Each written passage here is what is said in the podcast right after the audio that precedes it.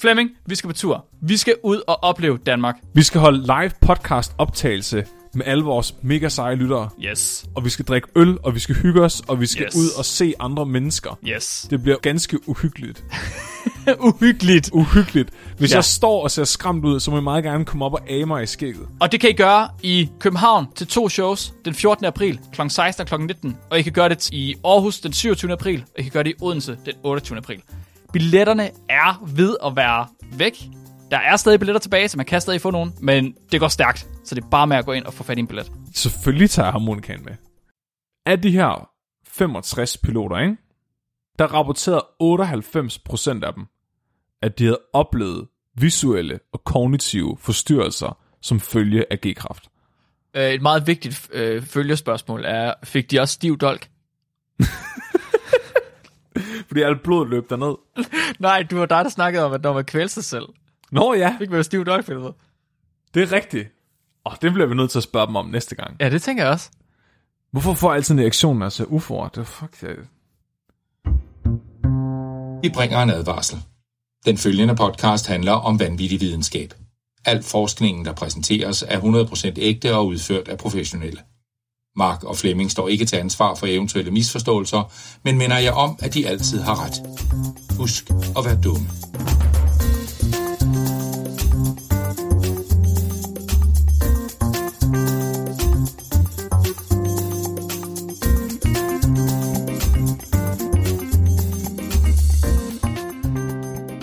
Hej alle sammen, og hjerteligt velkommen til Videnskabeligt Udfordret. Din bro til vanvittig videnskab.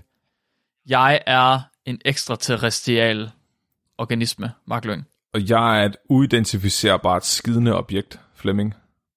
Den er god, den kan jeg godt lide. Usoen. Uso, Uso Flem. Der er en der er rapper, Uso, right? Ja.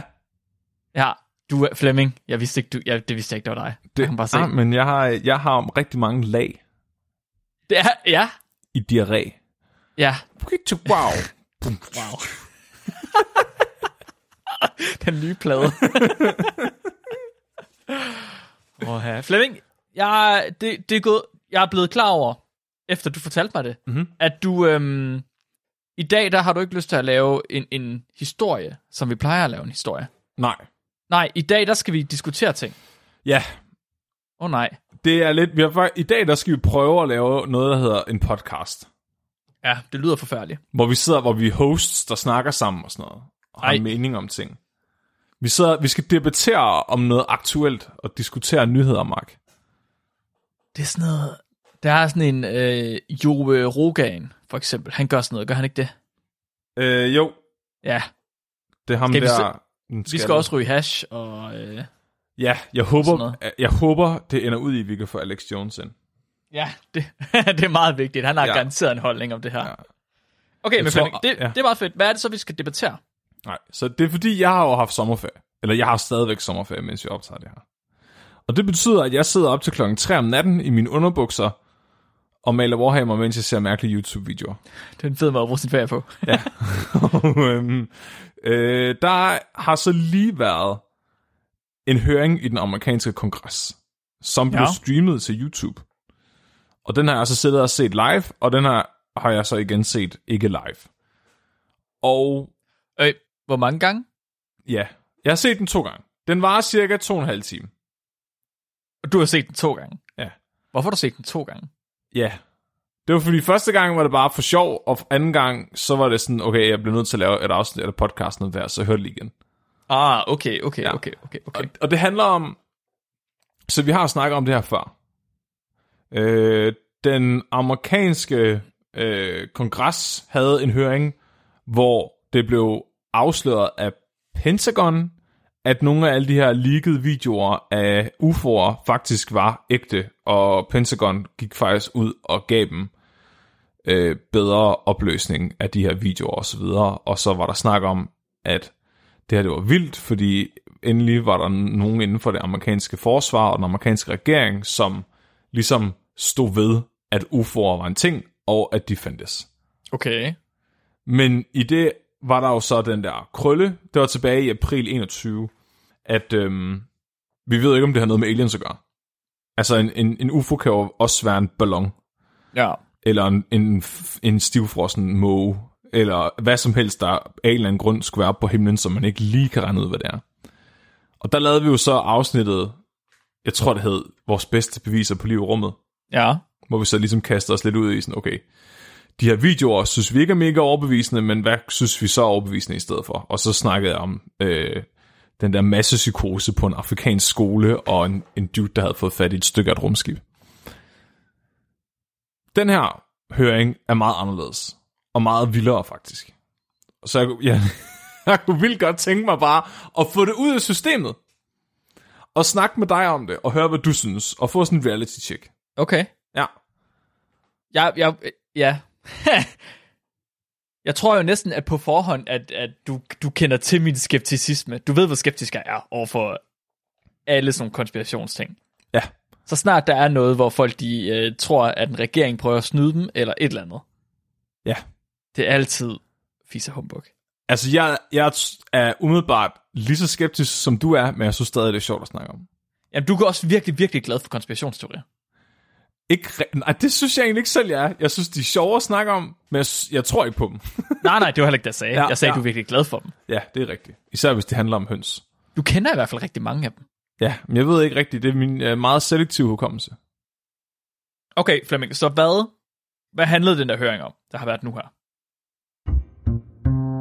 Så den her høring i, øh, i kongressen fandt sted den 26. juli. Så det er, meget, altså det er nogle dage siden, øh, før vi så optager nu. Og det er tre tidligere militærfolk fra den amerikanske hær, som er mødt op og under ed har lavet sådan en høring for den amerikanske kongres. Og formålet med den her øh, høring, det er ligesom, at de skal øh, fortælle om, hvorfor de mener, det er meget vigtigt, at UFO'er bliver taget alvorligt i, USA. Men også fordi, at øh, de mener, de, altså så, jeg kan lige, du får at vide, hvem det er lige om de her personer specifikt, ja, men det handler ja. ja. meget om, at de mener, der er en gren inden for det amerikanske forsvar, som ved ting om UFO'er, men som holder det hemmeligt fra den amerikanske kongres Okay. Sådan så, at der faktisk er nogen, der opfører sig, som om de er et niveau over top secret classification.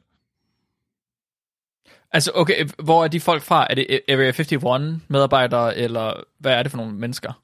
Altså, det er øh, alle mulige branches inden for det amerikanske militær, som på en eller anden måde har noget med det her at gøre, åbenbart. Ja, Okay. Ja, det, men det der ligesom er humlen ved det her, så den her høring, så vi, altså sådan, det, det er meget fra, altså de, de, den kører meget ud af alle mulige tangenter, men, men jeg tror, det de prøvede at få ud af det, det var ligesom at forstå, fordi de kalder det ikke UFO'er længere, nu kalder de UAPs, men det betyder det samme som UFO.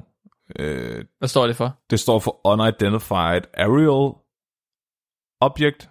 Nej, på, jeg har skrevet ned et eller andet sted. det er en anden forkortelse, men det betyder det samme som UFO. Man har bare Okay. valgt at sige UAP, fordi det er mindre øh, stigmatiseret. det er lidt sjovt. Det er ligesom min mor, der sagde, at øh, broccoli var små træer, for jeg gad at spise det. Ja, det er faktisk basically det samme. Ja. Så, så det er en House Oversight Committee hearing. Formålet med den slags høringer, det er, at de, man skal ligesom undersøge, om der er et eller andet, øh, som skal øh, som den amerikanske regering er nødt til at være opmærksom på, som kunne være en trussel for national sikkerhed, eller et eller andet, der foregår i USA, som burde være under deres opsyn. Og derfor giver det meget god mening, at man tager det her op til sådan en høring, fordi de påstår jo, de her whistleblowers blandt andet, at øh, det amerikanske forsvar har kendskab til UFO'er, men at de vælger ikke at informere kongressen. Okay. Så det, de, det, det, de meget fokuserer på, eller det, der ligesom er den røde tråd i den her høring, det er, hvordan skal de håndtere øh, truslen fra UFO'er, og hvordan skal de, øh, skal de lave sådan en form for øh, system, hvor man ligesom kan indberette, at man har set en UFO. Hvad er det for en trussel, de mener, der er ved UFO'er? Altså, det handler specifikt meget om piloter. Ja. Så den her, øh, de her videoer, der blev udgivet af Pentagon tilbage i 21, var videoer blandt andet med jægerpiloter, som øh, på deres radar og med det blotte øje har kunne filme øh, UFO'er, der fløj rundt om dem. Og det er så de videoer, der er blevet lagt ud. Det er klassificeret. Ja. Så det handler meget om, at man i forvejen som pilot skal lave alle mulige risikovurderinger i forhold til vejr og vind og lufttryk og fugle og alle mulige mærkelige ting. Man laver også nogle risikovurderinger for, øh, hvad, hvad, hvad, det vil, altså, hvad kan der ske, når vi er ude at flyve, og hvad er den korrekte procedure, hvis det her det sker. Og der, der er argumentet så, at piloter, de faktisk så ofte interagerer med UFO'er, at det burde behandles som noget, der kunne lede til en afvielse. Okay. Med, og, og med, med UFO kan det jo også sagtens være en værballon. Eller et, altså et eller andet andet, som ikke... Altså, forstår du, hvad jeg mener? Så, ja, fordi, altså så, så snart, at man ikke ved, hvad det er. Ja. Så snart man ikke kan kigge ud af vinduet og sige, det er en måge. Ja. Ja, så, så er det en UFO. Ja. Og det er derfor, de siger UAP, eller UAP i stedet for UFO. Det er fordi, lige så snart man siger UFO, så tænker folk flyvende tallerken. Klart. Så jeg, jeg kan også sige UAP, hvis at det er nemmere for dig at, at sluge mig. Nej, det var mere sådan, det er fordi, at jeg ikke er helt sikker på, hvad dem, der har lavet høring, de har tænkt, da de lavede høringen. Er det her en høring, hvor at der er nogen, en eller anden ja. part, der mener, at det handler om aliens, eller er der ingen, der mener, at det handler om aliens? Okay, så der er en part, der mener, det handler... Ej, de, de mener jo så alle sammen faktisk, det handler om aliens, af dem, der er til høringen. Dem, der er til høring. Dem, der er til hør, dem, der bliver hørt, mm-hmm. de mener, det handler om aliens. Ja. Okay. Skal jeg fortælle dig, hvem det er? Ja, tak. Så du bedre kan, fordi jeg kan godt mærke, du er, du er ivrig. Nå, men jeg spørger bare, jeg er bare ja. interesseret. Ja, så den, så den ene, den første, der sidder i den her høring, det er David Fravor, og han er 58. Okay. Han er tidligere jægerpilot, altså i de her F-18 fly, og har været en del af det amerikanske militær i rigtig, rigtig mange år. Mm-hmm. Han er sådan den, der op til høringen her har været den mest velkendte fordi han har øh, interageret med en af de her UAP's, og så vidt jeg kan forstå, er det også en, en film fra hans fly, som er en af de her Pentagon-videoer, der er blevet lagt ud. Okay. Så han har haft en close encounter med en UAP, eller en UAP. Han øh, beskriver den som en tic-tac. Den er tic-tac-formet. Og der er flere af de her... Undskyld, hvad fuck betyder tic-tac-formet? Nå, tic-tac, ja, som ja. i øh, mintpastillen. Jeg er med. Mintpastillen, ikke som i appen. Ja. det forklarede de faktisk også til høringen. At mens... det var mintpastillen og ikke appen? Præcis, ja. Okay. At det ikke var kommunist-appen, ja. Det sagde de. Men det sagde de ordret, ja. ja. Øhm, han stiller sig sådan lidt modvilligt op til det her, ifølge sig selv han er egentlig ikke mega interesseret i at være i spotlightet. Øh, det er en oplevelse, han har haft helt tilbage i 2004. Og han, som så mange andre inden for det amerikanske forsvar, siger, at hvis man godt kunne lide sin karriere, var det bedst ikke at tale om det. Okay. Så han øh, var ude at flyve i det her øh, fly, og der havde de så fanget, at der skulle være et eller andet, der stod stille i luften, og han beskriver så, hvordan han er fløjet hen til det her objekt, som så er zoomet rundt på øh, i luften på sådan fuldstændig underlige måder. Øh, for det første kunne han ikke registrere nogen lyd fra det her objekt. Han kunne ikke, øh, det accelererede fuldstændig latterligt hurtigt, meget hurtigere end nogen teknologi kunne inden for det amerikanske forsvar, og der var heller ikke rigtig nogen synlig, øh, altså den var, meget, den var helt glat, der var ikke noget på overfladen, der indikerede, at der var en lem eller vinger eller noget som helst, eller propeller. Han kommer så ind og fortæller sin historie, og den historie har han fortalt rigtig mange steder før. Øh, og han er der ligesom for at være et eksempel på, hvorfor det er vigtigt, at man skal have et eller andet sted, hvor man samler den her information ind, fordi hvad fuck skulle han gøre i den her situation? Hvordan skulle han interagere med ting? Han, øh, jeg mener også, den forsvandt på et tidspunkt, TikTok'en, da han var henne ved den, og så da han fløj tilbage, så dukkede den op foran ham lige pludselig. Altså så var den, lige, den teleporteret basically tilbage til der, hvor han kom fra. Og han siger sig selv, han følte sig truet, og han sagde, at øh, den var så øh, den teknologi, der skulle til for at udvikle øh, et fartøj med de evner var nærmest i modstrid med fysikkens lov. Og der var så åbenbart flere andre piloter i øh, samme situation som ham. Altså, hvor, altså de har været der på den dag og siddet og kommunikeret med ham over radioen og fulgt den på radaren også. Så der, okay. han var ikke det eneste vidne, der var flere andre, der havde set den. Og det er åbenbart ret almindeligt. Det er så almindeligt ude ved USA's øh, østkyst at interagere med de her UAP's, at det sådan, alle har haft en oplevelse med det, basically. Ifølge de her tre militærfolk til den her høring. Aha. Mm-hmm. Ja. Så, er der, så er der Ryan Graves på 37. Han er også tidligere jægerpilot, F-18-fly, har været udstationeret i Afghanistan, og han er øh, direktør for en øh, sådan en øh, forening, der hedder Americans for Safe Aerospace. Og deres formål er at få deklassificeret den information, der findes omkring UAP's inden for det amerikanske forsvar. Fordi han har selv op, haft oplevelser med de her UAP's som pilot, men han kendte også så mange andre piloter, både inden for militæret og uden for militæret, der har set dem. Så han mente, at det eneste forsvarlige, det er, at vi øh, kan tale åbent om det, så vi kan lave de her risikovurderinger. Sådan så, at man ligesom laver en eller anden form for register, hvor man kan skrive ind, at man har oplevet det og det og det. Mm-hmm. Og han siger blandt andet, at han, altså, han repræsenterer, på, til den her høring, der repræsenterer han i alt 30 piloter, som både er civile og militære piloter, som alle okay. sammen har haft oplevelser. Og så de alle sammen øh, har, øh, har ligesom, de er gået ind i den her organisation, fordi de har oplevet, at ingen, ingen tog dem alvorligt. Øh, og dem fra militæret oplevede ikke, at de blev debriefet, eller interviewet, eller informationen om deres oplevelse ligesom blev gemt. Det er ligesom om det blev ignoreret. Selv de kommercielle piloter, altså så piloter i øh, passagerfly fly, for eksempel, har oplevet, at de fik besked på ikke at tale om det. Fra deres overordnede.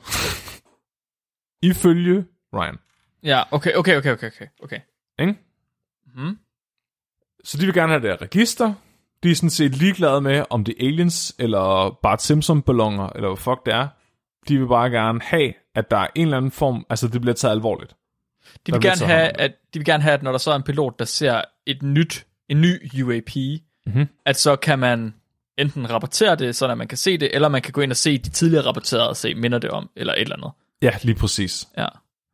Så det er, øh, ja, altså deres argument er jo ligesom, nu har Pentagon gået ud og sagt, ja, øh, det er en ting det her, og lagt videoer ud, øh, og NASA øh, har også fået opsat sådan en, øh, en, en uafhængig øh, gruppe af eksperter til at analysere over 800 forskellige incidents, som Pentagon har liggende, okay. hvor piloter har interageret med de her UAP's, og det er som ikke kun øh, termovideo, øh, det er også øh, radar data på de her objekter.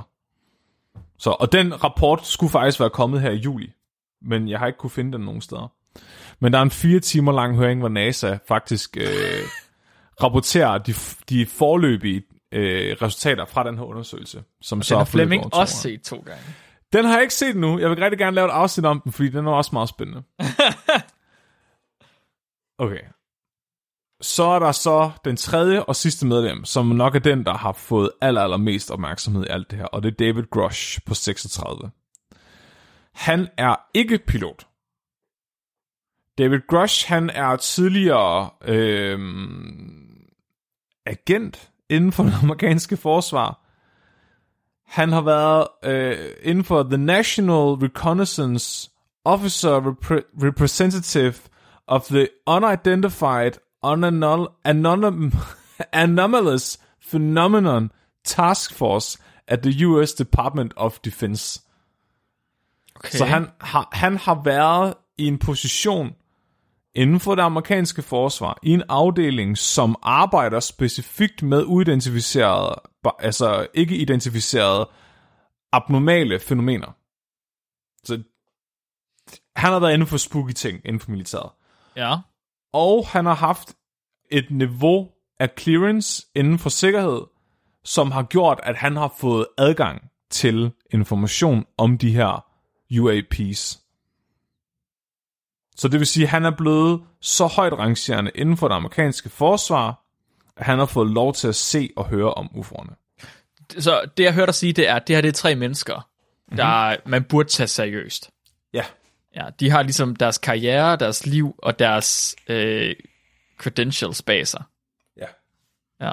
Det er ikke bare din average Joe, der er kommet ud og så er blevet konspirationsteoretiker og bare lige har noget på hjerte. Det er ikke ligesom øh, Bob Lazar, okay. der siger, at han har arbejdet på Area 51. Altså de her, de er alle sammen legit. Ja. Øh, de har gjort det, de siger, de har gjort. Og de er også alle sammen meget, meget professionelle og sobre i den her høring her. Okay. David Grush er ligesom den mest spændende af dem. Han er, han er lidt speciel, fordi han har fået adgang til sygt mange af de her hemmeligheder inden for det amerikanske forsvar. Mm-hmm. Og har været så forarvet over al den her information er blevet hemmeligholdt, og at den amerikanske kongres ikke har fået noget videre om den, at han faktisk har ansøgt det amerikanske forsvar om tilladelse til at blive whistleblower. Okay. Så han har, han har ansøgt en afdeling inden for det amerikanske forsvar, som ikke er den afdeling, som har UFO'erne. Og den afdeling, der så ikke har hørt om UFO'erne, har sagt, fuck, vi vil også høre om UFO'erne, og så har de sagt, go ahead, du må godt være whistleblower. Det er sådan, jeg forstår det. Det er sådan, det er sådan jeg forstår det, det der er sket. Fordi det amerikanske forsvar er så stort, så har, han faktisk fået, så har de, en anden uafhængig afdeling, hørt om det her, og ment, at det er øh, vigtigt, at det bliver fortalt videre. Så det er i virkeligheden ligesom dengang øh, CIA, de opdagede, at Project Stargate eksisterede, og så begyndte ja. at øh, udforske eller undersøge sig selv. Ja, Ja. ja. Det er sådan, jeg forstår det, ja. Ja. Og det er, og det er også øh, simpelthen nødvendigt at få tilladelse til at være whistleblower gennem forsvaret for at gøre det, ellers så han kan ikke Ellers, få så, er han- ellers så er han vel desertør. Ja, så vil han ikke komme til den her slags høring, for eksempel. Nej, så er det vel en militær retssag i stedet for. Ja, præcis. Ja. Så det han siger, det er, det amerikanske forsvar har kendt til UAPs lige siden 1930'erne. Så ikke kun har de observeret dem flyve rundt, de har faktisk også fundet nogen, der har været styrtet ned. Jeg, jeg er nødt til at forstå, hvad... Fordi UAP og UFO er jo bare en definition. Ja, Du har selv sagt, at en UFO kan være alt. Ja. Så, så snart du ikke kan kigge ud og se den måge, så er det jo et eller andet. Ja. Så lidt, man har vel observeret UFO'er og UAPs, siden man fandt på beskrivelsen UFO eller UAP. Men det lyder som om, at det er nogle specifikke genstande, de snakker om. Ja. Så han snakker specifikt om nogen, der er øh, ikke værballoner. Altså noget, der er et decideret rumskib. Han siger faktisk ordret, at øh, de, det amerikanske forsvar har fået fat i nogle rumskib, der styrter ned. Altså Nå, UAP, okay. U, ja, han siger, de har fået fat i UAPs, der styrter ned, og, de har, og han ved endda, hvor de ligger henne. Han ved, hvilke militærbaser har dem liggende. Og han siger, at de også har arbejdet på at reverse engineer dem. Så han er sådan meget... Øh, han har alien-hatten på ham her. Okay, okay, okay. ja. Han siger, at øh, det, det er en afdeling inden for det amerikanske forsvar, som står specifikt for at håndtere de her nedstyrtede UAPs og for at undersøge dem. Og de gør rigtig meget for at øh, hemmeligholde, hvad, det, hvad de laver, så de går, de går igennem alle mulige byråkratiske loopholes for at holde øh, regeringen øh, uvidende. Fordi de mener, at det er en risiko for national security, hvis regeringen finder ud af, at de har nedstyrtet UAPs. Okay. Så det vil sige, der er ikke nogen level af clearance, der er højere end top secret. Men selvom der sidder nogen inde i kongressen, der har adgang til den højeste clearance, så får de ikke lov til at se det her alligevel. Så det vil sige, at militæret faktisk overruler regeringen ved ikke at vise dem det her. Fuck, USA er så sindssygt et sted. Ja. Men det syge, ja, så det syge er, at han, øh, de spørger ham jo om, altså, så det her, det er jo ikke ham. Det er ikke de her tre mænd, der får lov til bare at sidde og fortælle deres historie. Nej. Det er det tre mænd, der sidder i hver sin stol, og så sidder den amerikanske kongres foran dem, og så har de hver især fem minutter til at stille dem spørgsmål. Og nogle af de der fucking kongresmedlemmer, de sidder bare og snakker om deres egen politiske kampagne i fem minutter, og så sender de bare videre. Hvad? Men en gang imellem, så er der nogen, der faktisk stiller et ret fedt spørgsmål. Så for det første, så øh, spørger de ind til, har vi nedstyrtet øh, UAP's liggende? Hvor til han kan sige ja. Han kan sige, jeg ved, hvem du skal ringe til. Jeg ved, hvem der vil samarbejde med dig, og hvem der ikke vil samarbejde med dig. Og jeg ved, hvor de ligger henne. Altså, hvilke militærbaser. Okay. Så spørger de også, har I grund til at tro, at det er øh, extraterrestrials? Ja, ja, ja. Har I fundet, altså, aliens? Hvor han så siger, han vil ikke selv kalde det aliens, han siger, det er non-human organisms. Bare for at være åbensindet. Øh, vent, organismer? Ja. Biologiske organismer? Ja, så han siger, i en af de her UAP's har det amerikanske forsvar fundet øh, biologics. Det er det, han siger. Hvad? Ja, ordret siger han non-human biologics. Det er, altså Mark, det her det er noget, som han har sagt til den amerikanske kongres under ed. Det er fucked up. Det er lidt fucked up. Det er lidt fucked up.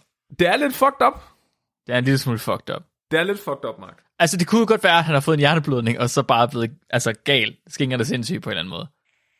Ja, Men som du siger, han har jo han har sit renommé i ryggen, og han har jo sin karriere og alt det der. ja, og Hvad- han har, han Var har det, fået... Dave, var det Dave Grush? Øh, ja, Ja, okay, så det var ham, øh, hemmelig agent-agtigt. Ja. Som i virkeligheden for mig lyder som den mest troværdige af dem alle sammen. han er også utrolig troværdig, når han taler, Ja. øh, vil jeg sige. Meget professionel. Har du en fornemmelse af, at han er sådan lidt kukuk? Altså, jeg vil sige, da jeg så øh, høringen første gang, Ja. der havde jeg ikke nogen... Altså, der tænker okay, hold op, han er godt nok troværdig. Man kunne godt fornemme på ham, at han selv synes, det var lidt vildt. Han fik lov til at sige alle de her ting. Okay. Men det tror jeg også, jeg ville, hvis jeg var i hans situation. Ja. Det, der er meget, meget frustrerende, det er, at hver gang de så siger, kan du nævne et navn? Hvem ved det her? Hvor ligger den her UFO? Hver gang de beder ham om noget konkret, som kan fact-checkes, så siger han, det må han ikke fortælle dem, medmindre det er i en skiff. Så en skiff, det er et sensitive compartmented information faculty, eller facility. Så det betyder, at øh, den information må, vil han gerne give dem, og han har informationen, men han vil kun give det til dem øh, und, bag lukkede døre. Okay. Så det betyder, at det er et, der skal de holde et separat møde, hvor dem, der er til stede i mødet, har høj nok clearance til at høre den her information fra ham. Så de skal basically have adgang til informationen, som de har fået. Og så skal det være øh, under bag lukkede døre, så der ikke er nogen, der hører det ellers. Så han har ikke lyst til at sige det offentligt. Præcis, ja. Ja. Øh, og han lover dem faktisk øh, at give dem al det her information. Det, der er mega frustrerende, det er, at kongressen har bedt om at få lov til at lave den her skift med ham. Men det vil forsvaret ikke tillade. Så han har fået lov til at stå frem som whistleblower, Ja.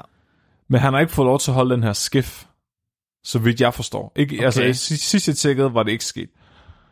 Men han har åbenbart holdt en skift med en af de højt rangerende øh, kongresmedlemmer før den her høring. Okay. Som så stadigvæk har vurderet, at det her det var vigtigt nok til at lave høringen bagefter. Ja. De spørger ham også, øh, om han har følt sig truet i sammenhæng med, at han er blevet whistleblower, og så sagde han, ja, det har han. Og så siger han også, øh, at han kender til andre, øh, som er blevet fysisk eller psykisk øh, truet for ligesom ikke at afsløre, hvad de ved om UAPs, og endda nogen, der er blevet slået ihjel for at holde det hemmeligt. Han siger også, at han kender til tilfælde, hvor de her UAPs har skadet mennesker. Og så siger han, at det er ligesom en kombination af, at de øh, truer folk til ikke at sige noget, eller likvidere dem, blandet med, at øh, der er det her hierarki inden for den amerikanske forsvar, hvor der er rigtig meget prestige i at få høj clearance. Så hvis du gerne vil have høj øh, clearance, så skal du lære, så skal du virkelig være god til at holde mund og ikke øh, provokere. Så de kan, de kan ligesom sortere i, hvem, i, de kan sortere i så mange lag af folk, hvem der får lov til at interagere med de her ting, at de kan være fuldstændig sikre på, at dem de vælger er nogen, der så ikke vil gå ud bagefter og være whistleblower. Ja. En ting, jeg ikke helt forstår, det er, hvis det er noget, der rent faktisk øh, er en ting, og det er noget, som forsvaret har holdt hemmeligt, og bliver ved med at holde hemmeligt. Øh, hvorfor? Hvorfor er det så vigtigt at holde det hemmeligt? Ja, det forstår jeg heller ikke. Nej, hvorfor, hvorfor, hvad er det, der er i de her UAPs, og måske de her organismer, som de har fundet, som gør, at det er så nødvendigt at holde det hemmeligt? Det har jeg meget svært ved at forstå. Ja, jeg kan heller ikke, altså hvorfor er det altid kun i USA? Ja, ja, ja, selvfølgelig ikke. ikke? Altså hvad med alle de andre lande? Ja. Det synes jeg er lidt plat. Altså jeg tror ikke på, jeg har, eller jeg, vil ikke, jeg er meget svært ved at tro på, at det kan finde sted i det omfang, som de beskriver, uden at vi har bedre evidens for det. Altså, for, for det var det, vi snakker om sidste gang. Altså, ja, ja, øjenvidner, men der er også, altså, der er øjenvidner om spøgelser også. Ja, altså, der er præcis. øjenvidner om Bigfoot. Ja. Og selvom det er en person, der har en høj clearance, du kan godt få en høj clearance, og stadig være kukuk, altså bare Nobelprisens forbandelse. Jeg skulle lige til at sige det, ikke? Ja. Altså, øh, der er en, en, af, en af de største genier inden for molekylærbiologi troede, vand kunne snakke i telefon lige pludselig. Ja, ja, præcis. Altså, så, så det der med, med at stole på, hvad folk siger, det kan man ikke altid. Jeg vil, det kan man meget sjældent i det virkeligheden. kan man meget sjældent, ja. Og de der videoer der, ja ja, altså de er fine nok, men, men du, altså, du kan ikke bruge dem til noget konkret. Så, så skal du have noget data fra flere øh, kilder, ikke? Så skal du have nogle af de her øh, radar øh, data og så videre. Altså, så, der så jeg synes virkelig, det der med at finde noget håndgribeligt øh, evidens, som er svært at, falde, altså, at feje væk, er jo ikke dukket op nogen steder. Nej. Det hele er bare historier. Og så det er også derfor, jeg tænker, jeg, jeg tænker altid sådan, okay, kunne man gøre det, altså findes det samme, som de snakker om her, en- findes det med spøgelser? Ja, der findes også folk, der er lige så troværdige, der siger, de har set spøgelser. Altså, jeg, ja, jeg synes, det er meget, meget svært. Men, men på den anden side, øh, ham, der, ham her, øh, Dave der, han er jo, alligevel har han jo en ret stor del af det amerikanske forsvar i ryggen, i det han siger. Så der er, når du siger, har, at han har det amerikanske forsvar i ryggen, mener du så, at de støtter ham i at gå ud? Ja, det gør de jo, fordi de har sagt, at han kommer med whistleblower. Ja, og det information, han frigiver, er baseret på, at han har interviewet 40 forskellige øh, militærfolk, der har haft høj klassi- øh, klassificering eller interageret med de her UAPs direkte. Men som til, altså stadig hver især har givet anekdotiske, Ja. eller anekdoter, I guess. Altså, De har også givet information om, hvor de her ting er henne, og hvem man skal snakke med. Men det er også, ja, hvad var, hvad var det, du sagde, hun hed ham der, Tossen, der sagde, han arbejdede ved Area 51, som var inde ved Joe Rogan på et tidspunkt. Ja, øh, Bob Lazar. Ja, præcis. Uh, som jo fuldstændig blev blæst væk, og bare sådan, ja, slap af, gå nu hjem, ikke? Bob, og det, ja, Bob Lazar, han er fuld af lort. Det, der, altså, det er virkelig frustrerende, så fuld af lort han er. Men det var det, han sagde jo også alle mulige sindssyge ting, og sagde, han vidste også, hvor de var henne, og han kunne også øh, pege hen, hvor de var, hvor at de skulle gå hen, og hvem de skulle snakke med og sådan noget. Øh, nu siger jeg ikke, at ham her, Dave Grush, han, han er blevet skingrende sindssyg, eller bare lukker ting ud af røven, når nu han har forsvaret bag sig. Men det er jo nemt at sige ting, og så sige, at jeg må ikke vise jer det. Ja, gør, Right? vi gør det i en skiff. ja, præcis. Jo, jo, jo, ja. Jeg kan godt sige det bag lukket dør, men jeg vil ikke sige det sådan, at, sådan, at jeg kan vise folk det. Så, Men det-. Nå, okay, hvad kan vi så bruge det til? ja, ja, præcis. Så er det ikke mere værd jo. Mm-mm. Men, det er mere, men han er mere troværdig end Bob Lazar. Fordi hvis du laver baggrundstjek på Bob Lazar, så finder du ud af, at meget af det, han siger, overhovedet ikke er rigtigt. Omkring, ja. omkring hans uddannelse og hans karriere. Ja, fair nok. Men, og så når du begynder at høre Bob Lazar tale om, hvad han var med til at arbejde på som fysiker, s- altså, og du har haft altså, en grundlæggende forståelse for, hvordan fysik fungerer, så ved du også, at det, han siger, det er noget nonsens. Ja, okay. Så er der sådan noget Deepak Chopra, altså, øh, når han begynder at snakke om de her tunge elementer, de har været med til at lave, hvor man bare sådan, nå ja, altså, det er jo bare et radioaktivt stof, der henfalder. Ja. Det, altså, du, du ved, hvis, hvis, hvis han har haft en uddannelse, han påstår, han har haft, så kunne han have fundet på en bedre løgn, som havde været sværere at, at debunke. Ja. Altså, Der bliver samtidig øh, sagt, at når man taler om konspirationsteorier, eller folk, der har nogle rimelig alternative holdninger, at så gider dem, der ligesom ved noget om det, ikke engang rigtig at beskæftige sig med det, de ligesom siger. For eksempel Flat Earthers. Du får ikke, du får ikke nogen øh, videnskabsperson med respekt for sig selv til at gå ud og begynde at debunke Flat Earth, fordi der er vigtige ting at tage sig til. Right? Ja. Eller klimaforandring benægtere. Er der, ved du det, om der er nogen, der rent faktisk har været ude øh, med noget videnskabelig øh, kredibilitet bag sig, og undersøge, hvorvidt de her UAP's er øh, ikke jordlige. Ja, jo, men det er der.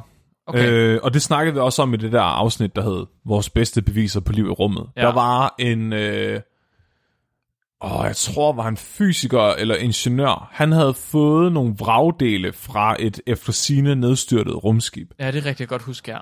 Og han fandt ud af, at ionkompositionen af det her materiale var fuldstændig fucked up, og lignede noget, der var designet. Men han, altså, det kom aldrig mere ud af det. Og så er der jo, altså, og det, er jo- det, jeg tænker, det er de eneste to, måske tre former for evidens, vi kan have. Ikke? Ja. Vi, kan have vi kan have noget organisk materiale, og det, det kan vi jo nok ikke engang kalde det. Noget, der kommer fra liv, der ikke er fra vores jord, man kunne undersøge. Hvis man kan komme i besiddelse af det, tænker jeg ikke, det vil være svært at påvise, at det er aliens. Du kan få fat i noget af deres teknologi. Det er jo så bare altid sådan nogle små stumper af metal, og altså, med en mærkelig ionkomposition. Eller også så kan du have målt på, hvordan de opfører sig, og så have radardata eller video. Mm-hmm. Og video og radardata er jo, det bliver jo undersøgt af NASA lige nu.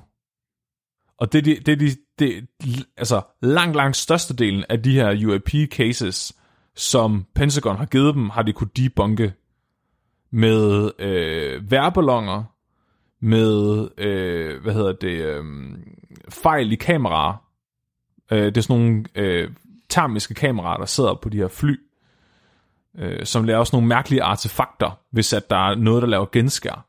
Så laver det faktisk sådan en tic-tac-formet øh, objekt på kameraet. Corridor Crew, som jeg ved, du elsker på YouTube, har lavet nogle virkelig gode videoer, hvor de snakker om, hvordan de der kam- videoer fra Pentagon faktisk kunne forklares med, med kamerafejl. Øh. Ja. Så det sker lige nu, og der er ikke, der er ikke nogen af de her videoer, eller nogen af de her radar målinger, som har været så, af så god kvalitet, at man har kunne sige, hold op, det her det er fuldstændig uforklarligt. Det er også det, det, det, det, det er sindssygt for mig, at man sidder og har en så officiel høring med så officielle mennesker, og så kigger man basically på Bigfoot uh, footage. Right? Det er basically videoer af Bigfoot, de sidder og kigger på, og så er sådan lidt, uh, men det kommer fra Pentagon, så må det være rigtigt. Bare fordi, at det er en uh, official, der har taget en video af Bigfoot, som er sløret og ude, uh, langt ude i horisonten og sådan noget. Så det er jo ikke ens betydende med, at de rent faktisk har en video af Bigfoot. Nej, altså, Så det kan altså- bare være en værballon, eller en flue, eller whatever. Ja, og, og det er der, jeg er sådan lidt splittet, fordi, altså, ja, hvis man, vil, hvis man vil se det her som et forsøg på at finde aliens, ja, så synes jeg, det er lige så håbløst, som du synes. Ja. Men, men på den anden side, man er også nødt til at tage det alvorligt, når det er noget, der sker så ofte, at det begynder at blive et problem. Så er man jo nødt til at undersøge fænomenet for, hvad det er. Altså, så er man jo nødt til at Ja. prøve at komme med en forklaring på, hvad der sker. Ja, Og, så, ja, og, ja. og, det er jo, og det er jo værdifuld viden, fordi det kan jo så vise sig, at der er en fejl i radarsystemerne, der skal rettes, eller i de her kameraer, som kan korrigere for genskæret fra en værballon eller et eller andet. Sådan så man kan sørge for, at det ikke leder til unødvendige øh, uheld, at folk styrter ned eller et eller andet. Altså sådan prøve at finde ud af, altså hvis det ikke er aliens, hvad er det så? Det er en god pointe, ja. Som, altså, vi skal ligesom komme ud over den der, øh, og prøve at finde ud af, er det aliens? Sådan, den måde, vi overhovedet tænker på aliens på, er også forskruet og antropomorfiseret. Altså, Ja. så det, det er mere interessant at finde ud af, hvad er de her UAP's overhovedet? Ja, Ja, altså identificere dem i virkeligheden. Ja, jamen, jeg har også... Jeg, jeg identificerer dem. Øh, Jeg tænker også... Jeg, jeg har siddet... Jeg prøvet at undersøge lidt selv. Altså... Du er ikke i tvivl, når du hører de her seniorpiloter snakke, om at de er overbevist om, at de virkelig har oplevet det, de har oplevet.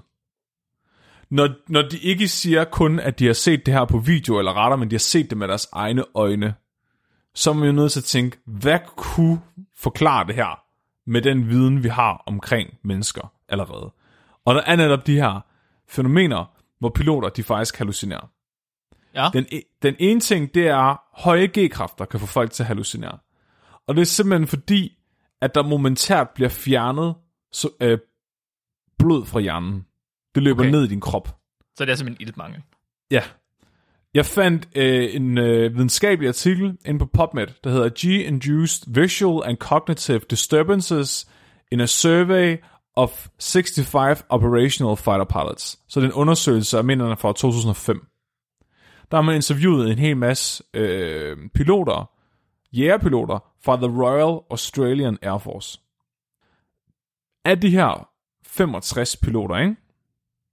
Der rapporterede 98% af dem, at de havde oplevet visuelle og kognitive forstyrrelser som følge af G-kraft.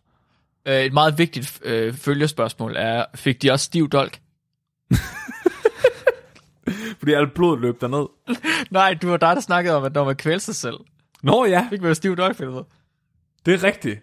Og det bliver vi nødt til at spørge dem om næste gang. Ja, det tænker jeg også. Hvorfor får jeg altid en reaktion, altså ufor? Det er fuck, jeg... Men ja, så 98% af de her piloter havde altså oplevet visuelle eller kognitive forstyrrelser som følge af G-kraft. Okay. Ikke? Altså, så, så der... Ja, ja, så, så ja. Occam's Razor. Men, men, men de siger jo også, at nogle af de øh, objekter, de har identificeret, er fundet på deres radarsystemer.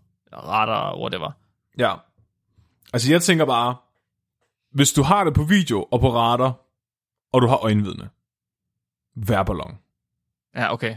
Hvis du kun har øjenvidne beretning, G-kraft induceret hallucinering, Ja. kun mobilkamera, vær, altså forstår du, der er sådan, jeg tror bare, der er så mange altså, mulige forklaringer alligevel. Okay, radar. Hvad, hvad, hvad rapporterer radar? Er det kun lokation, eller er det også noget med størrelse? Jeg tror også, det er kinetologien, altså med be, altså bevægelser og bevægelseshastighed og sådan noget. Okay. Hvad med formen? Pas, jeg har ikke sat mig ind i NASA's rapport endnu. Nej, okay. Den, øh, den kommer som det næste. Men, men det, det er generelt, som NASA rapporterer ud fra den her undersøgelse, de har lavet af Pentagons ra- radar-data og videoer, det er, at det data, de har fået, det er noget lort. Okay. Så meget af det er bare sådan nogle dårlige Bigfoot-videoer, ligesom du siger. Mm-hmm. Og så er der også rigtig meget af det, som er af så dårlig kvalitet, det er uanvendeligt. Hvordan kan man have så dårlig kvalitet data? Hvordan kan alt det data, man har, være så dårlig kvalitet? Eller er det bare fordi, det er det data, vi har fundet? De siger også, at noget data er blevet tilbageholdt. Okay. Altså, så militæret ikke har vil give dem adgang til noget data. Der er jo der er faktisk en virkelig, virkelig god historie, øhm, som jeg tror, jeg, jeg vil tage op på et tidspunkt, øhm, om hvordan at klimaforskerne tilbage i 90'erne eller start 0'erne, de lavede en aftale med det amerikanske militær om at få adgang til deres øhm, satellitfotos, som egentlig skulle være brugt til at finde våbenbaser i Sovjetunionen. Så det aller, aller første satellit, man havde. Og deres kvalitet af billeder var så meget bedre end det, som forskerne de ellers skulle få fat i, at de var sådan lidt, vi kan se, hvordan søer de fordamper, altså og tørrer mm. ind med det her data. Men der var, det var kun fordi, at de tilfældigvis talte med en eller anden forsker, eller en øhm, militærperson, der kom til at tale over sig, som så fortalte, at de havde så gode billeder fra deres satellitter. Ja. Så det er muligt, at de har øh, data til at lægge, der bare er meget bedre kvalitet, som de simpelthen har forbudt at holde hemmeligt. Ja, og det, det er en af grundene til, at de, mulige, altså, at de kunne finde på at tilbageholde det. Ja. Det er simpelthen fordi, de ikke vil afsløre, at de har nogle instrumenter, der kan de ting, de kan. Eller det kan være, at det er for national sikkerhed. Nogle gange så er der simpelthen informationer i det data, de har, som gør, at landet stiller sig selv i risiko ved at sige, at man har det. Ja, præcis. Hvis at der er nogen, der opdager, at de har instrumenter, der kan måle så nøjagtigt, eller måle de her ting. Eller bare, hvis der er nogen, der får fat i dataet. Ja, Ja. præcis. Så, så, så det giver egentlig god mening i mit hoved, at det behøver ikke noget med aliens at gøre, at de ikke vil give NASA adgang til det hele. Nej, nej, nej, nej. nej. Jamen, jeg, ja, jeg, jeg tror, at aliens er, øh, det er den hurtige overskrift, når man kigger udefra. Men jeg tror også, du har ret i, at perspektivet burde være noget helt andet. Altså, vi, vi burde bare droppe alt alien. Det, det har ikke noget med aliens at gøre. Stop aliens, det er ikke det, det handler om nu.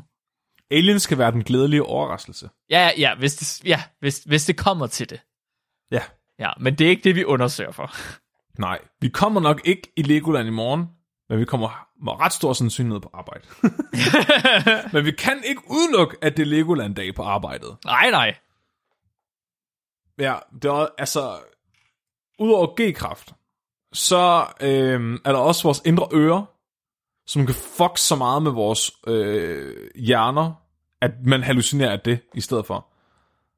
Det er bare sjovt, fordi det, det, du ved, det de beskriver, det er tit, når de har set det med det blotte øje, så siger de, at det er en øh, firkant med en per- perfekt sfære ind i midten. Okay. Det er der rigtig mange, der beskriver. Eller også så er det en tic-tac, eller noget, der er cigarformet. Og det er altid helt glat, og det laver aldrig nogen lyde. Det er altid, der er aldrig nogen lyde. Det er kun visuelt, det de oplever. Jeg tænker, åh, det lyder bare så meget som en eller anden hallucinering. Og, det, og med det indre øre, hvis det ikke kan forstå, hvordan du roterer, så man snakker om øh, pitch, roll og yaw med det indre øre, at det måler de tre retninger, de tre øh, dimensioner, du Ja. kan øh, rotere i. Hvis de ikke kan, kommer i overensstemmelse med hinanden, de tre øh, informationer, så kan du også opleve visuelle hallucineringer, Ja. som netop vil kunne lede til, at du ser en meget, meget simpel form, du kunne forveksle med en UFO, og som ikke laver nogen lyd, fordi det er en ren og skærp visuel hallucinering. Det er ret sejt, så øhm, det er sådan tre, jeg var inde, øh, jeg sad og kiggede på, hvordan de ser ud, øh, de organer, der måler det, altså de har, øh, balanceorganet. Det er vildt sådan øh, tre kuglebaner, ligesom dem der, man har øh, i venteværelset hos lægen. Nå, er det? Ja, og måden man opdagede på, at de stod for ens opfattelse af øh, ens orientering i rum, det var ved, man tilbage i 1800-tallet skar en af dem i stykker på duer, og så så man duerne på en begyndte at flyve ring. Nej. Så mistede det ligesom opfattelsen af den, af den, den dimension, de havde ødelagt i hjernen på duen. Åh, oh, det er fucked up. Ja. Men det er også bare meget sjovt, når man så hører de der vidnesbyrd. Det, det er altid sådan, og så skyndte vi os hen for at undersøge, hvad retteren havde set. Ikke? Shum, høj G-kraft. Shum, din balanceorgan bliver fucked up. Og så kommer du frem, og så ser du, der er et eller andet. Og så efter noget tid, så forsvinder det. Og så flyver du tilbage, og oh, så kan du se det igen. Altså, mm, Ah, ja, okay. Klart. Så du tænker, at det er blevet induceret, fordi man er på vej hen for at undersøge, hvad det var. Mhm. Mm-hmm. Og så når man er kommet derhen, så er man ligesom lavere G-kraft igen, og man, man har blod til hjernen, så man ikke hallucinerer længere. Ja. Ja, okay. Altså, det er bare min personlige ting. Altså, jeg synes, jeg synes i hvert fald, i forhold til piloterne, der synes jeg, der er så mange ubekendte, og det evidens, de har leveret, er ikke særlig god kvalitet. Så det er nok til, jeg vil sige, Occam's Razor, det er nok en af de her ting. Ja. Men så er der stadigvæk ham her, Grush. Ikke? Han, er, han er også den, der får mest taletid til den her høring. De andre bliver lidt ignoreret. Ikke ignoreret, men, men han snakker lige så meget, som de gør til sammen. Mindst. Alle spørger ham med de her aliens. Og han bliver ved med at sige det her. Jeg vil gerne sige det, men så skal der være en skif, og den her skif, den kommer ikke til at ske. Han er måske faktisk... Øh, ja, så det var det der med, at jeg så det to gange første gang jeg så det, der tænkte jeg, hmm, det er spændende det her, og sad og legede med min øh, plastikfigur imens. Men anden gang begyndte jeg sådan at kigge, sådan, hvem er det egentlig, der sidder rundt om ham? Altså, hvem er det, der sidder bag ved ham? Og så er det, det går op for mig, ved siden af David Grushes advokat, der sidder der altså en person, jeg kan genkende. Okay. Og det er jo så meget heldigt, at jeg har lavet alle de der fucking afsnit om Stargate og alle mulige andre mærkelige ting, til jeg sådan er begyndt at få en idé om, hvem folk er. Hvem var det? Det var Jeremy Corbell. Der skal... Okay, det er ikke et navn, jeg kan huske. Nej, Jeremy Corbell har været med blandt andet på Joe Rogans podcast. Og Jeremy Corbell, han er den største fucking fanboy af Bob Lazar. Åh oh, nej, Verden. okay. Så øh, Jeremy Corbell er øh, kunstner og journalist, og har skrevet øh, blandt andet de her bøger, der handler om Bob Lazars historie, og om hvordan Bob Lazar er Area 51 whistleblower. Han er også fuldstændig besat af Skinwalker Ranch og det paranormale. Så han er sådan lidt, øh, hvad hedder han? Infowars. Øh, Jones. Ja. Øh, Ja. Alex Jones. Alex Jones, ja tak. Han er Alex Jones, bare mindre højlydt. Mm. Han er, altså han æder alle konspirationsteorier. Reptilians, spøgelser, aliens, han tager det hele med kysshånd. Han, altså, han sad ved siden af, af David Grushes advokat på forreste række. Du kan hver gang kameraet på David, altså, du ser ham virkelig tit i den her stream. Og så er der så begyndt at gå ind og undersøge, okay, den her whistleblower-ting, ikke? Mm-hmm. Hvad er det for 40 personer, David Grush har interviewet? Fordi David Grush har ikke selv set en eneste UAP. Han har aldrig set nogen af de her non-human biologics. Han har kun hørt tale om dem som følge af hans høje clearance, og så har han jo så efterfølgende, efter han havde fået lov til at blive whistleblower, gået ud og interviewet vidner. Det har jeg faktisk ikke forstået. Jeg har forstået det som om, at han selv havde set en, eller havde set noget, og så Oh, no. bagefter var sådan, okay, jeg finder lige nogen, der kan bakke mig op. Han har ikke set det selv. Han har kun hørt, fordi han har fået adgang til informationen, har folk turde tale om det foran ham. Og så han er sekundær kilde. Yes. Og ved du, hvem primærkilderne er, Mark? Hvem er primærkilden, Flemming? Hvem tror du har arbejdet sammen med Grush et år op til den her Åh, høring? Nej, er det Corbell? Oh yes. Oh, Kunne nej. man fristes til at tro, at Jeremy Corbell har været med til at udpege de her 40 vidner, som Grush har snakket med? Kunne det være, at en af dem her er Bob Lazar? Er det rigtigt? Jeg ved det ikke. Men, der er, fuck, man kan ikke se listen af alle de der kil- øh, vidner. Nej, nej. Det er jo, øh, de er jo beskyttet. Så skal du ind i en skift med ham. Ja, kan man ringe til ham og spørge, om han vil gå ind i en skift? Ikke? Altså, så du, du har... Lige pludselig, så giver det meget bedre mening i mit hoved. Ikke? Du ja. har to mm. jægerpiloter, som muligvis har hallucineret. Og så har du den tredje, som er en dude, der har snakket med en anden dude, som er venner med samtlige UFO-nørder Ja, ja, i USA, Ja, ja, ja. og som tror på Chupacabra. ja. Occam's Racer, det er, øh, det er nogle tosser. Ja, der, jeg fik lige sådan et post-not clarity efter. okay. Men jeg synes så er det lidt ærgerligt, altså... Fordi jeg vil jo gerne have, at UFO'er er rigtige. mm-hmm. Jeg synes bare virkelig ikke, der er noget bevis, der peger i den retning Nej. overhovedet. Og det, og det er virkelig trist, fordi jeg var sådan op at køre, der var sådan, wow, nu sidder der nogen og siger, at det amerikanske forsvar har UFO'er liggende og aliens liggende. Og fucking sværet ind under ed. Ja, han er sværet ind. Og den siger det er, jeg har hørt nogen sige det her. Hvem er det, han har hørt sige det her? Det er nogle ufotosser, som Jeremy Corbell højst sandsynligt har sat ham i kontakt med. Måske, måske, måske. Men altså, det, det vilde er jo, at det er jo ikke særlig svært for ham at få noget ekstra integritet, hvis det er det, han vil. Det er et spørgsmål om, at man går ud og så siger noget mere om, hvor man har sin information fra. Han må jo ikke nødvendigvis nævne nogen navne, det ved jeg godt, men altså... At så får man lavet de skifts. Altså, så, så må det være det, der skal til. Ja, nu er det spændende, om de får lov. De har jo fået afvist at lave skifts indtil nu. Ja. Det er, ja, det, Men- det var, Okay, ja, så med den information, du har fortalt mig der, til at starte med, der var jeg semi-overbevist. Nu er jeg stadig overhovedet ikke overbevist. jeg har det på samme måde. Ja. Men jeg, kan, Men også, jeg, ja, jeg, jeg er enig i det, som piloterne ligesom har af pointe, at det, de vil gerne have, at man finder ud af, hvad fuck er, der foregår. Ja. Hvad er forklaringen bag det her? Fordi det, er, det må være ubehageligt. Altså, det er, jo, det, er jo, det er jo lidt ligesom det, du har snakket om med søvnparalyse. At når folk de har søvnparalyse og ikke ved, hvad der foregår, så er det fucking ubehageligt. Ja. Right? Og man begynder at prøve at forklare det væk med aliens og med øh, engle og dæmoner og whatever. ja. Så snart man så begynder at finde ud af, hvad der, er, der foregår, så er man sådan, okay, det er stadig ubehageligt, men jeg kan ligesom forberede mig på det. Jeg kan gøre noget for at væve mig selv mod det. Ja. Så i stedet for at se den her øh, kvinde, der, øh, maren, der kvæler dig, så ser du øh, en tic-tac, der flyver. Præcis. Præcis. Eller, Og eller hvis du tager DMT, ser du altid maskinelverne. skinelverne, det er fucking The, the nørd. machine elves. Folk øh, får den samme hallucinering, når de tager det samme stof. Det er ret Okay. fucked up. Ja. What? Det er svært. Jamen enig. Altså sådan, at man, altså fordi jeg, det, det der med, at de er ens, men alligevel ikke er ens. Ja. Altså de er altid lidt forskellige. Ja. Jeg tænker bare, at det er den samme, måske det er den samme må, måde, hjernen håndterer. Men det kan også være, hvis det, altså uden at vide det, at de alle sammen er blevet eksponeret for den samme historie. At på et eller andet tidspunkt, så er der nogen, der har fortalt, at det er sådan, den første så ud, og så er det ligesom det, de alle sammen tænker på, når de så tænker.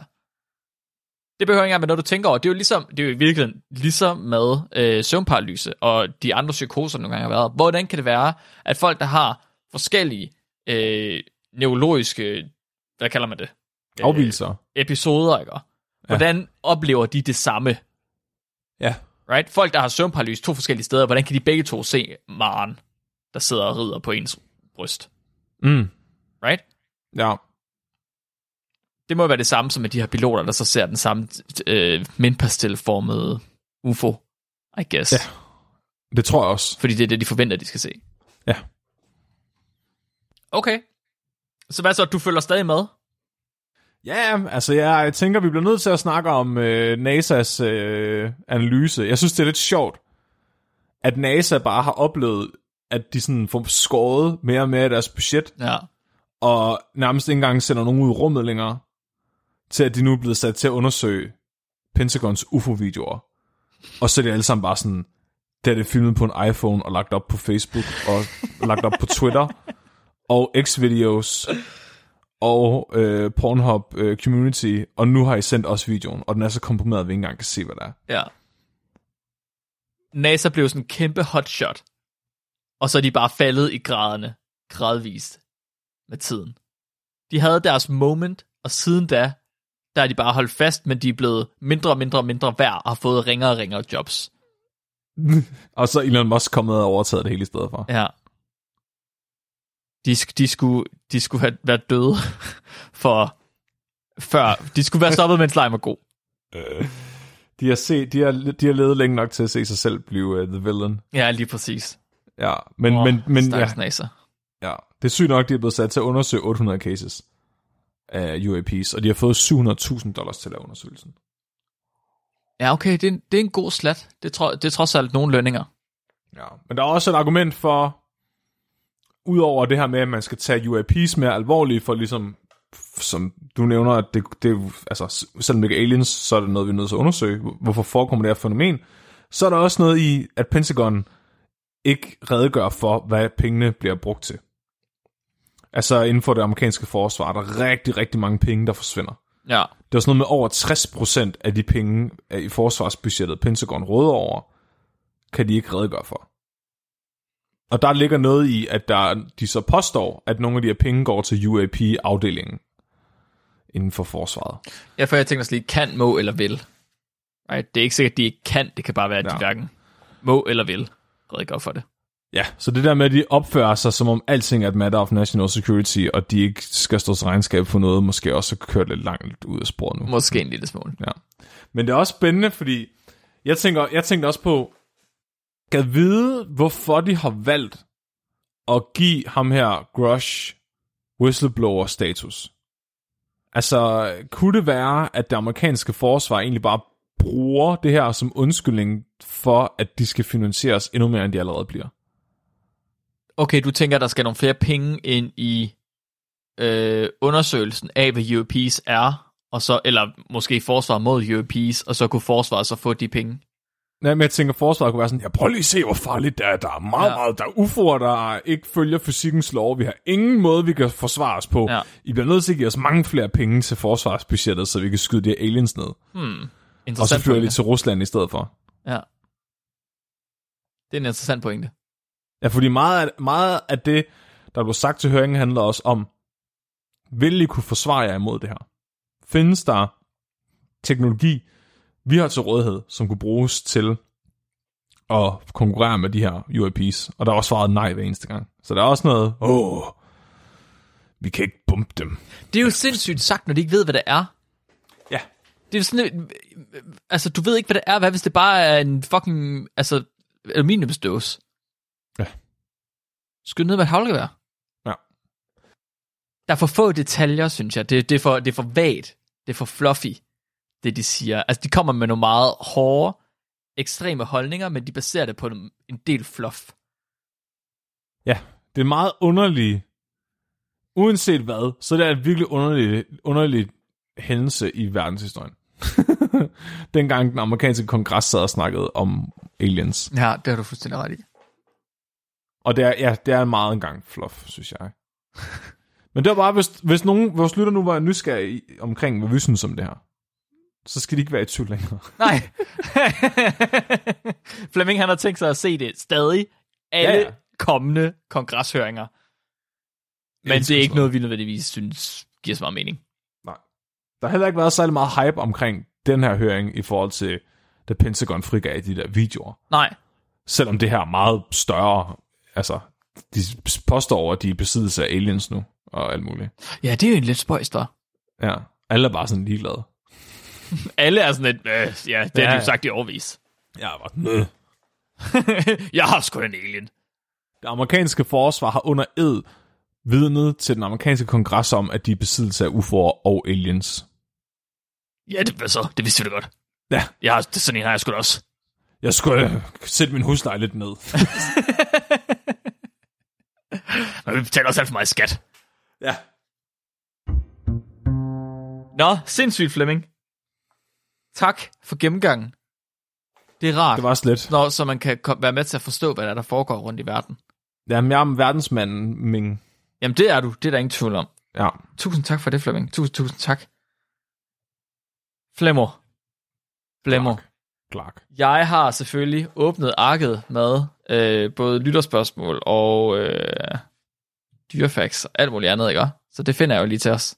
Jeg er den mest voksneste på den her podcast. Har du allerede åbnet den? Nej. Nej. Godt. Selvfølgelig har jeg ikke det. Dejligt. Jamen, det var godt, fordi nu er jeg klar med et lytterspørgsmål. Giv mig klarhed. Giver dig klarhed. Øh, Kat har skrevet ind og spurgt, hvorfor får man flere og værre tømmermænd, des ældre man bliver? Og hvorfor skal der mindre til at give de tømmermænd, når man bliver ældre? Det ved jeg. Ja. Det er fordi, når du er fuld, så låner du glæde fra i morgen. Okay. Det, det var bare det. Og, s- men jo ældre du bliver, des mindre glæde er der i dit liv. ah. Så det vil sige, der altså, når du tager et lån af den øh, betydning, når du drikker dig fuld, så, så er der eddermame med at rente på dagen efter. Okay.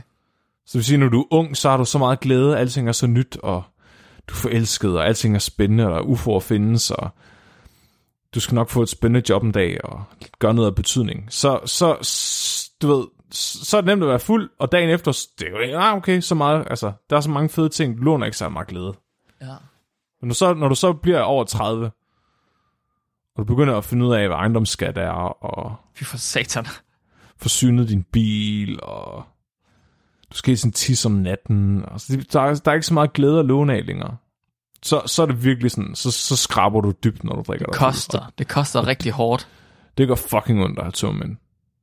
Har det, har det øh, noget at gøre med, at man også altid får det sværere med ens fordøjelsessystem, des ældre man bliver? De fleste, når de bliver ældre, får sværere ved at spise de samme ting, som de gjorde, da de var yngre. Det er derfor altid er tyndskid. Ja, der er rigtig mange, der får rigtig dårlig mave, efterhånden som de bliver ældre. Har det noget med det at gøre? Uh, det tror jeg. Og jeg kommer også til at tænke på, øh, hvis at det er et spørgsmål om, at man låner glæde fra dagen efter. Hvis man så, gør, hvis man så drikker, når man er ung, ved, du drikker en brændert, når du er 16, kan mm-hmm. man drikke så meget, at man får lige så slemme tømmermænd, så hvis man drikker en almindelig bytur, når man er 30. Kan du låne du så bliver- meget glæde?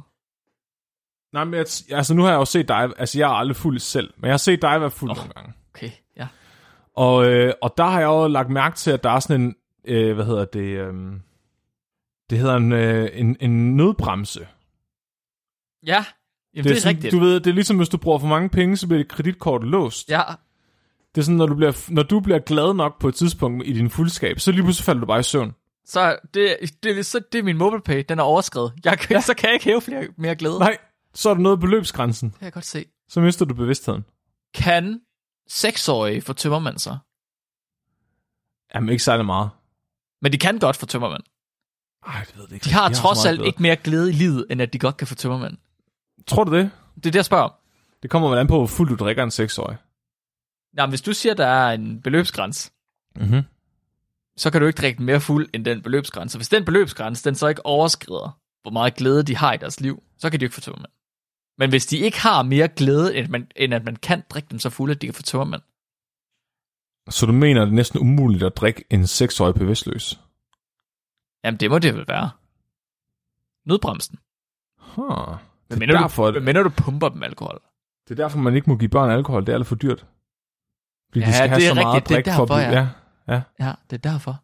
De tømmer bare skabet. Jamen, det gør de. Det gør de jo faktisk. Og så går de i seng. De tømmer skabet, så går de i seng. Og så vågner de op og har overhovedet ingen tømmermænd. Nej, fuck dem. Fucking lorte børn. Det giver god mening. Det er Nu- faktisk nu den giver- eneste ja. grund til, at man ikke skal give børn alkohol. Det er fordi, at de er så pisse irriterende, når de drikker. De kan bare drikke lige så meget, de har lyst til, uden at have det dårligt. Sådan du skal, ikke- det skal du ikke have lov til. Det må Nej. du ikke. Du må vente, til du får det dårlige af det. Prøv lige vent lidt. Er det derfor, man lægger babyer af formaldehyd? Skal da ikke være hvad? Det er ikke, mens de er levende.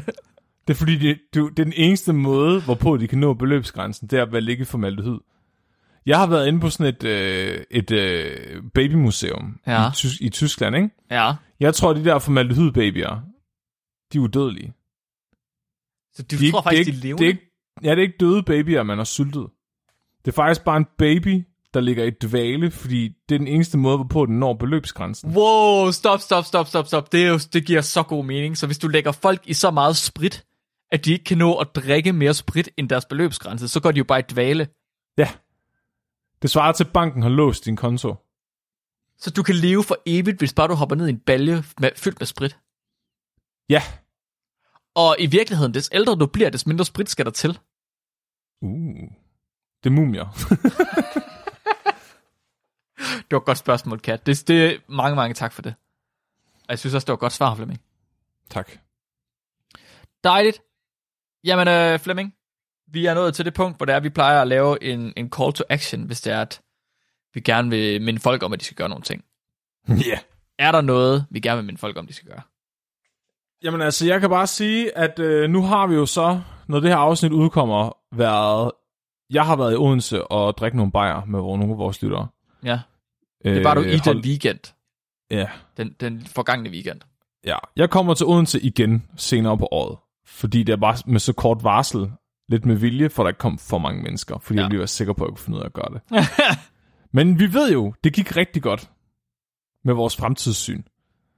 Så jeg holder øje på vores sociale medier med, hvor vi dukker op øh, igen i fremtiden snart.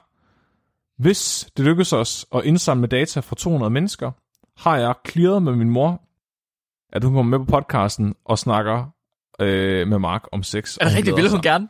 Ja, hun glæder sig, ja. Ja, sådan! Jeg, jeg, var, jeg var lige sådan mandag aften, inden afsnittet udkom, ringede jeg lige sådan og snakkede med hende om det. Nu går hun bare, nu, nu snakker hun ikke om andet. Så jeg er sådan lidt, jeg er sådan lidt bange for at skuffe hende nu. Så altså, for, hvis I gerne vil gøre mig glad, så bliv hjemme. Lad være med at møde op og drikke øl med os. Hørte Jeg vil faktisk også, næsten hellere glemme at spille harmonika, det er det en gang til, end jeg har lyst til at gøre det her. og hørte hun også mit forslag om, hvad jeg kunne spørge hende om? Har hun Nej, hørt det afsnit? Nej, det tror jeg ikke. Okay.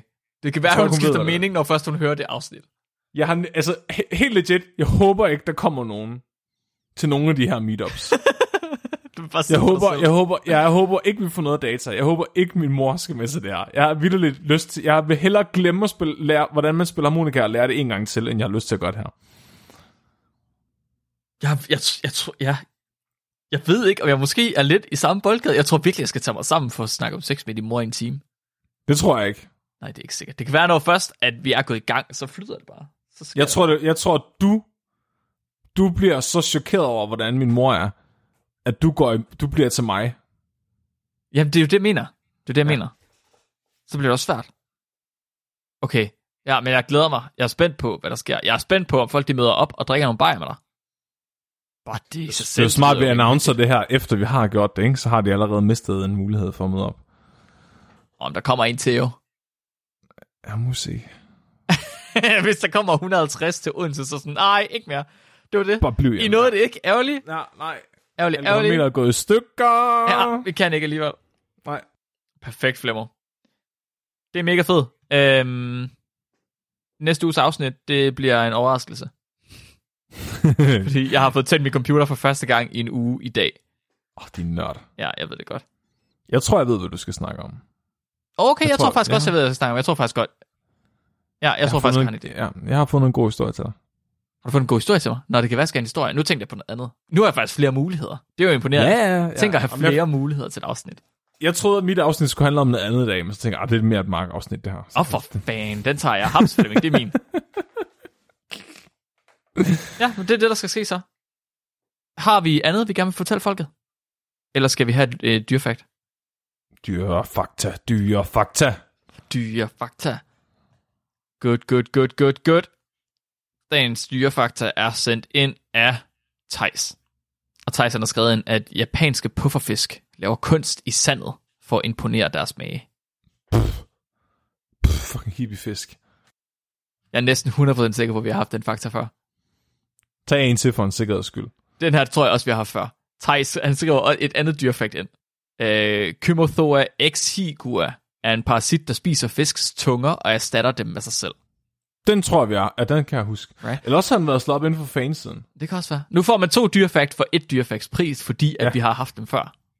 Måske. Ja, ja, ja. Ingen ved det. Vi, vi burde have registreret og sådan noget, men det har vi ikke gjort. kan jeg vide, hvorfor vi ikke har det? Hvem ved? Det er også lige meget. Flemming, ja. tusind tak for et dejligt afsnit. Selv tak, Mark. Mit navn er Mark, jeg er Flemming. og du er blevet videnskabeligt udfordret. Husk at være dum.